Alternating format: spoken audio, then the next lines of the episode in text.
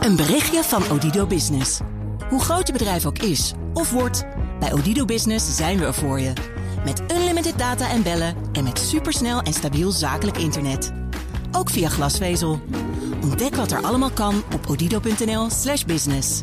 Het kan ook zo. The ladies not for turning.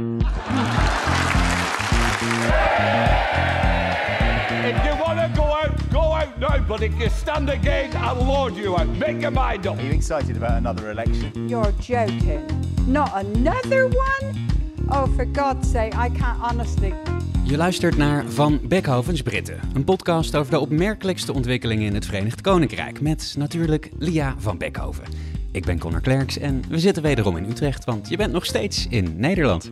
Ik ben nog steeds in Nederland. Ik ga vanmiddag weg, laat vanmiddag. Ja.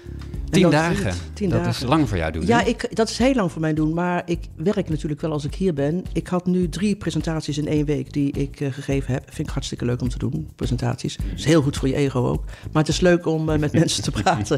Weet je wel, die eh, sowieso het Britse nieuws volgen, die geïnteresseerd zijn en die graag alles willen horen over Boris, Brexit, de Britten en alles wat daar tussenin zit. Ja, ja, ja, ja, ja. Pakweg de Royals.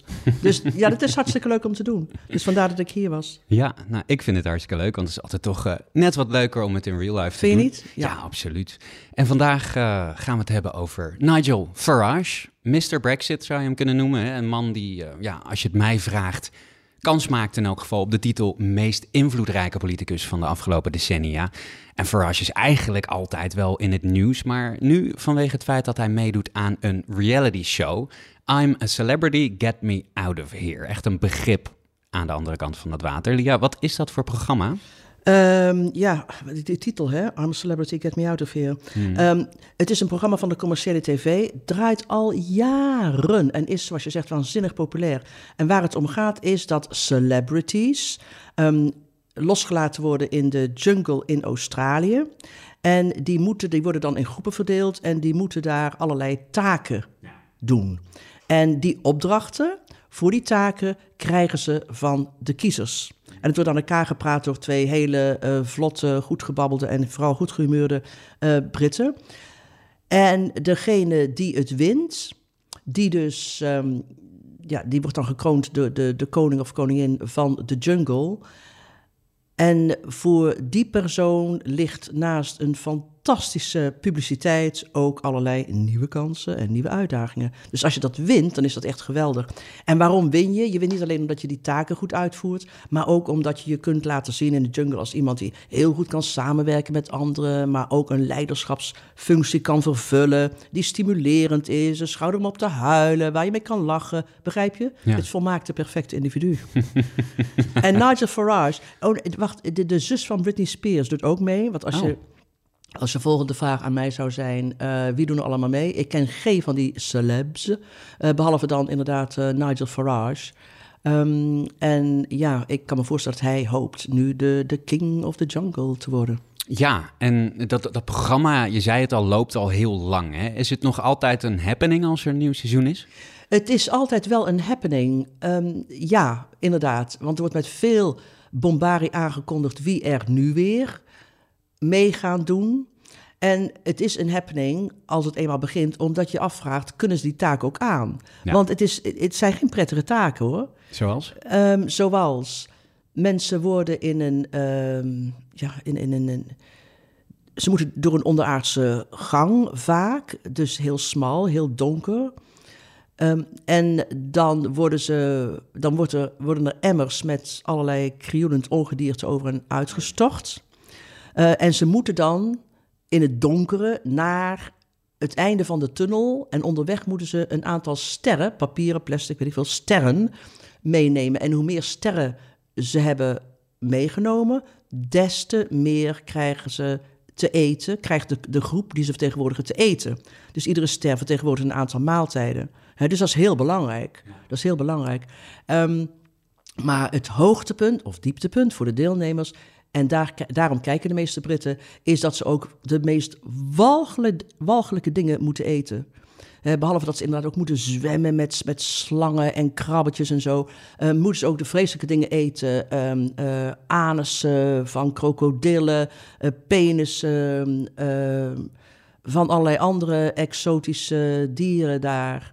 Ja, en dat moet je dan allemaal door je strot krijgen. Ja, geen pretje. Geen pretje.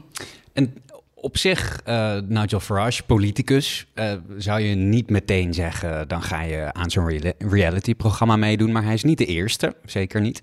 Bijvoorbeeld eh, vorig jaar hadden we voormalig gezondheidsminister Matt Hancock. Hij werd derde, geloof ik. Hij moest onder meer eh, een vissenoog en een kamelenpenis eten. Waarom doen politici dit? Waarom doen politici dit?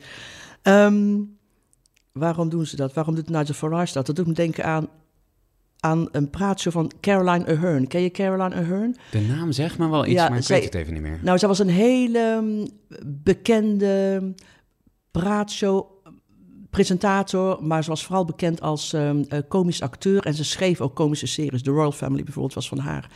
En in haar praatshow, ik sla even een zwijspoor weer in, maar in haar praatshow heeft ze een keer iemand gevraagd. Dat was de vriendin van een hele bekende, ja, soort Britse Fred Kap, zal ik maar zeggen.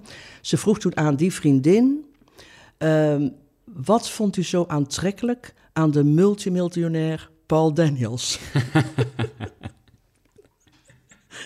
Precies.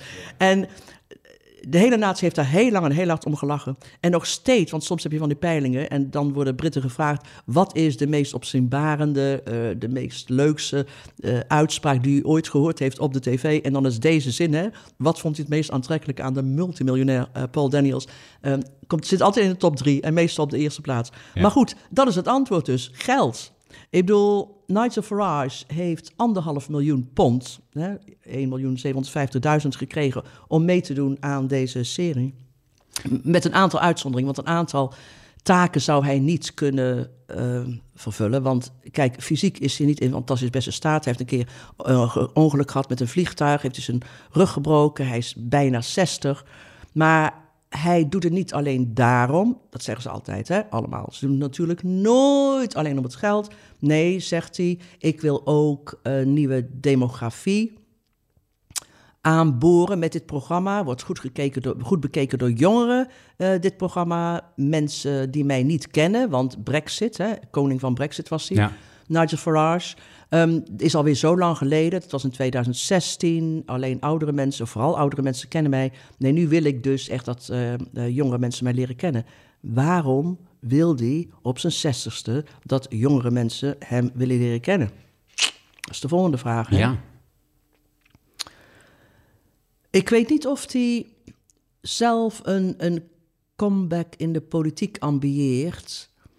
Ehm, ik bedoel, er zijn inderdaad mensen die zeggen... als, wanneer de conservatieve partij volgend jaar de verkiezingen verliest... dan willen ze Nigel Farage misschien wel weer terug hebben in de partij... en wellicht willen ze van hem dan hun nieuwe partijleider maken... Dat kan.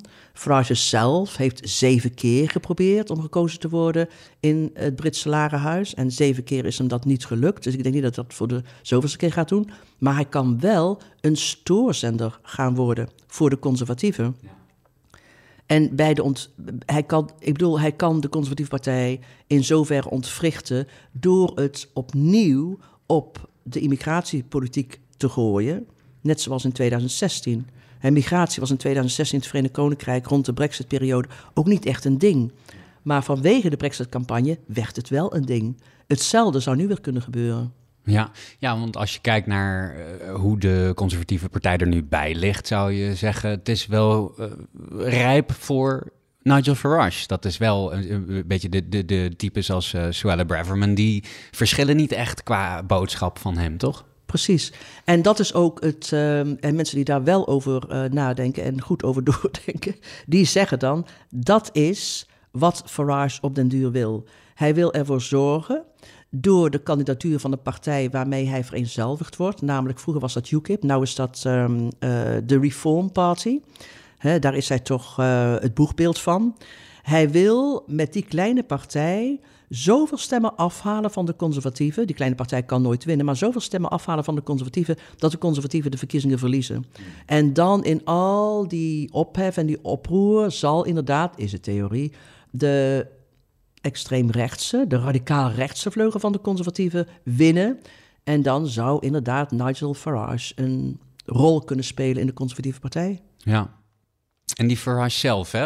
hij werd denk ik in Nederland het, meest bekend vanwege twee dingen. Toen hij in het Europarlement eh, zat en het altijd aan de stok had met, eh, eh, oh god, die Belgische meneer Guy Verhofstadt.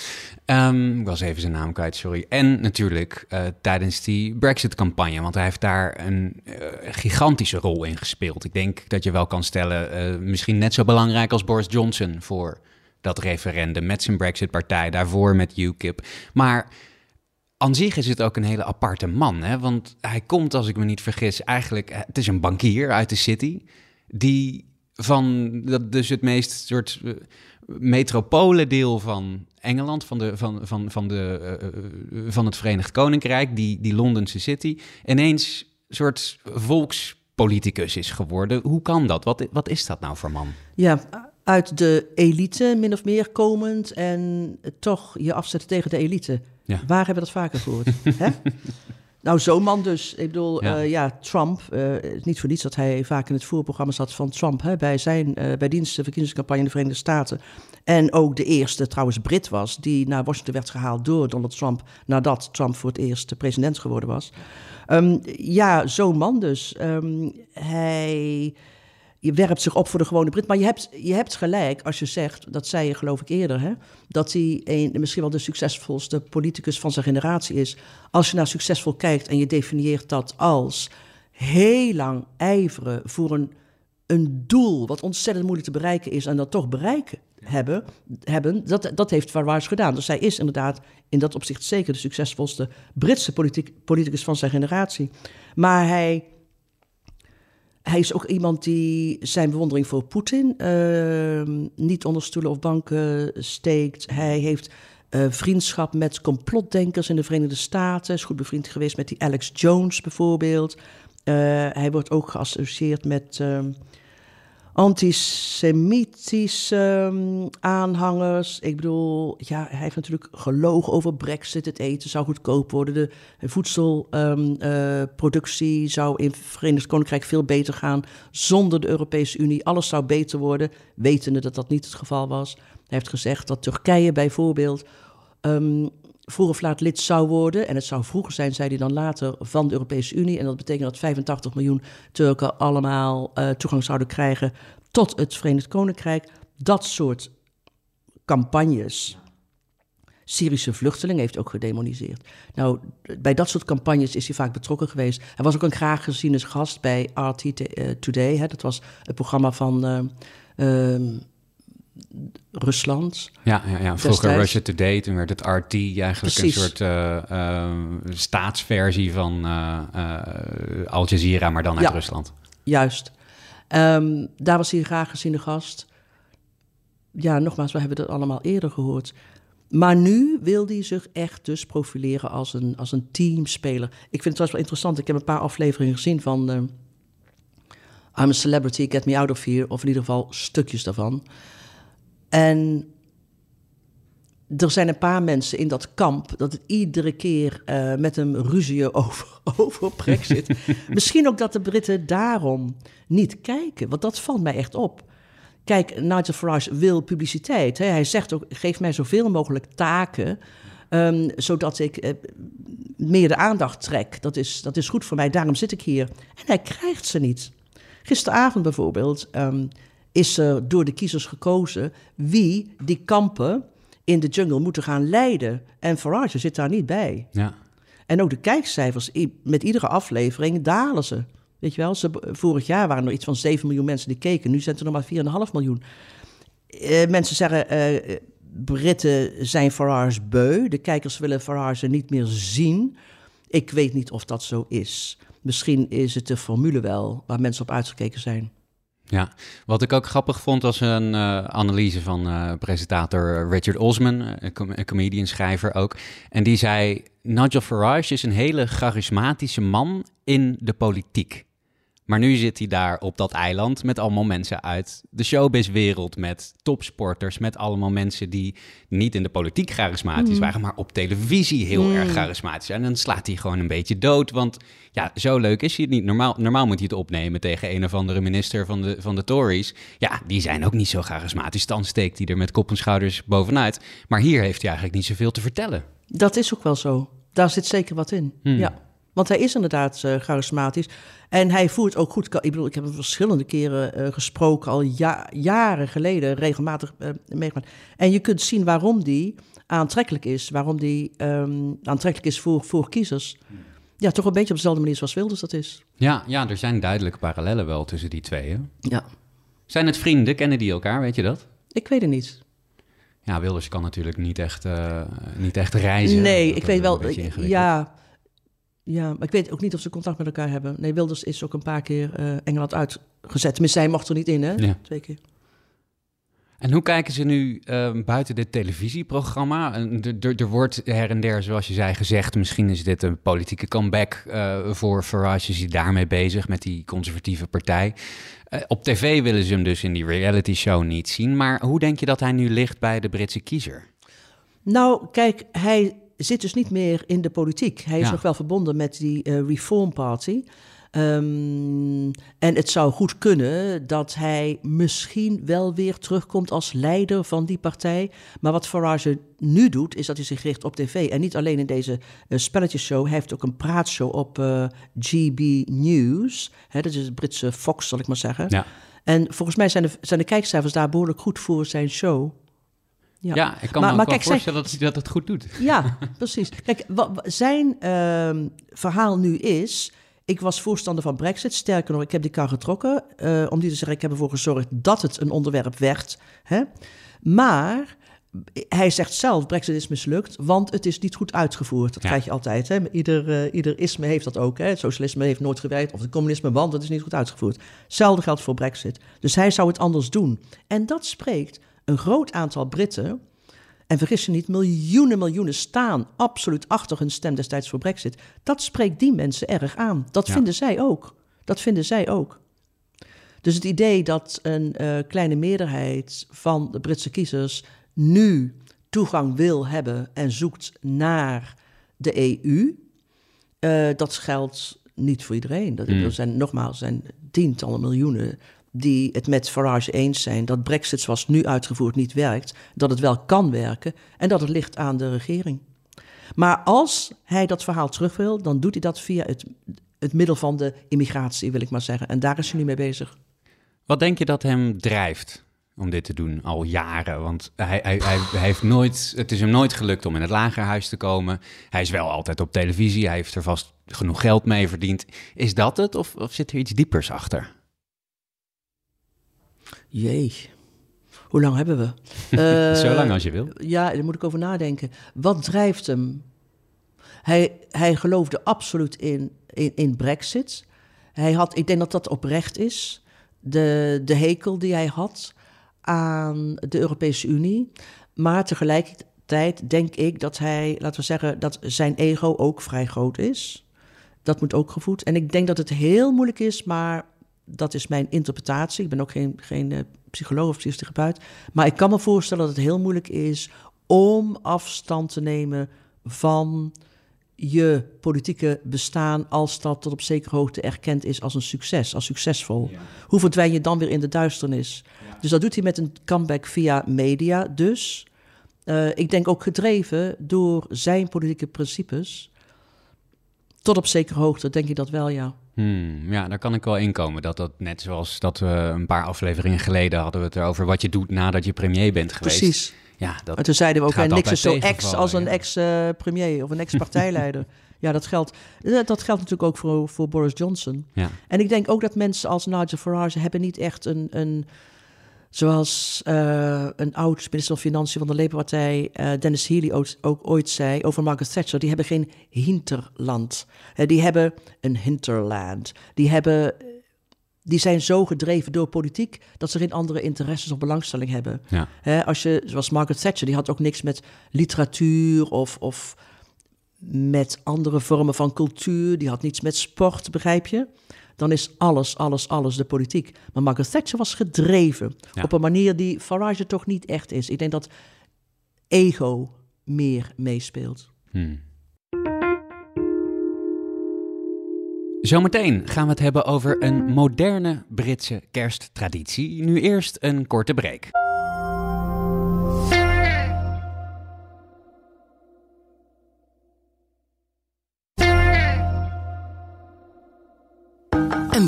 Van Odido Business. Hoe groot je bedrijf ook is of wordt, bij Odido Business zijn we er voor je. Met unlimited data en bellen en met supersnel en stabiel zakelijk internet. Ook via glasvezel. Ontdek wat er allemaal kan op odido.nl/slash business. Het kan ook zo. Ik ben Olivier van Solft. Betaalt u te veel huur of huurt u te veel kantoorruimte? Solft heeft de oplossing. Van werkplekadvies, huuronderhandeling tot de verbouwing. Wij ontzorgen u. Kijk voor al onze diensten op soft.nl. Een moderne kersttraditie in het Verenigd Koninkrijk, de kerstreclame.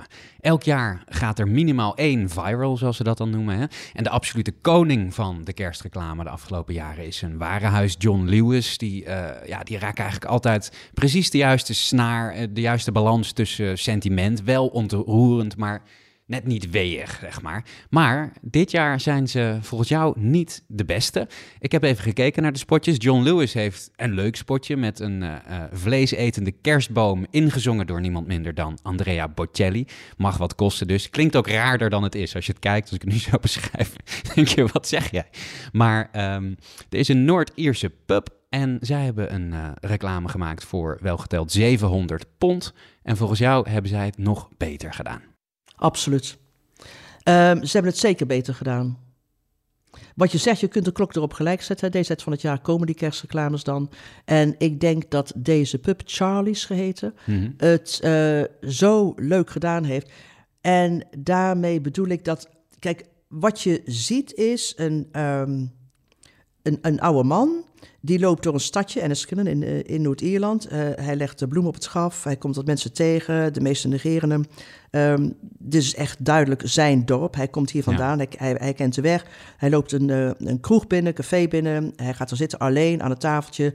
Nee, hij krijgt, het is een stamcafé, want, denk ik, want hij krijgt dan wat hij altijd drinkt. En dan is er een stel, een jong stel, dat komt binnen met een hond. En die hond gaat bij hem op de bank zitten en dan begint die hond te aaien. Lang vaak kort, dan komt dat stel bij hem zitten. En voordat je het weet, hebben ze goed sociaal contact en Ja. vast een prachtig eh, gesprek. En ehm, de spreuk is dan ook: er zijn geen onbekenden hier, alleen vrienden die je nog niet ontmoet hebt. Dus vol-. Volgens mij is dat van, van Yates, de, de, dichter. eh, Ik geloof van wel. Ja, en er is ook, dat ben ik alweer vergeten, maar er is ook een ehm, toepasselijk nummer. Ja, Muziek van, dat- eh, van Birdie is dat. Ik kan hem niet laten horen, want dan krijg ik een beetje gedoe met de rechten. Maar het is een, eh, eh, een liedje van Bir- Birdie. Ik zal een linkje in de show notes naar de reclame plaatsen. Oké. Kijk, en dat resoneert. Hè? Dat ehm, eh, resoneert zo'n beeld. Want kerstmis, vrede op aarde, ja, dat weten we natuurlijk allemaal. En vooral nu, vrede op aarde, dat is toch heel ver weg. Verder weg voelt het als eh, jaren geleden. Hmm. En ik denk dat het ook letterlijk ver van de meeste mensen afstaat. Ik bedoel, wat doe je met hè, Gaza en Oekraïne? Jij, ga jij onderhandelen met Hamas? Nee, nou, ik ook niet. Maar wat je, waar je wel iets aan kan doen, is aan eenzaamheid. Hè? Ja. Eenzaamheid bij ouderen. En dan vooral eenzaamheid bij oudere mannen. Eenzaamheid bij oudere alleenstaande mannen, weduwnaars. Ja. Eh, Dat, dat, eh, dat speelt. En gek genoeg, ik moest hier aan denken, Conor, toen ik in een eh, café zat in, in, in Oosterhout, waar ik vandaan kom. gisteren, en er, ik, ik was daar met mijn, mijn zus en nichtje.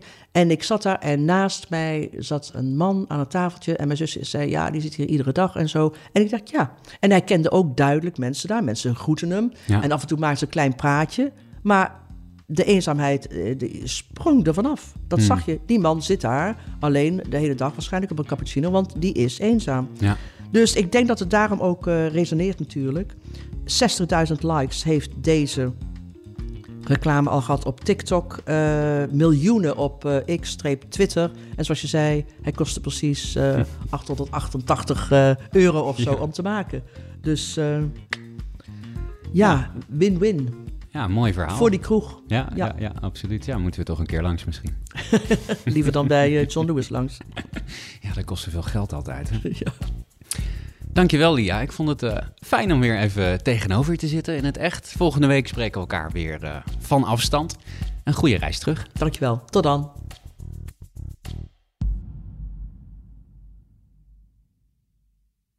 Een berichtje van Odido Business.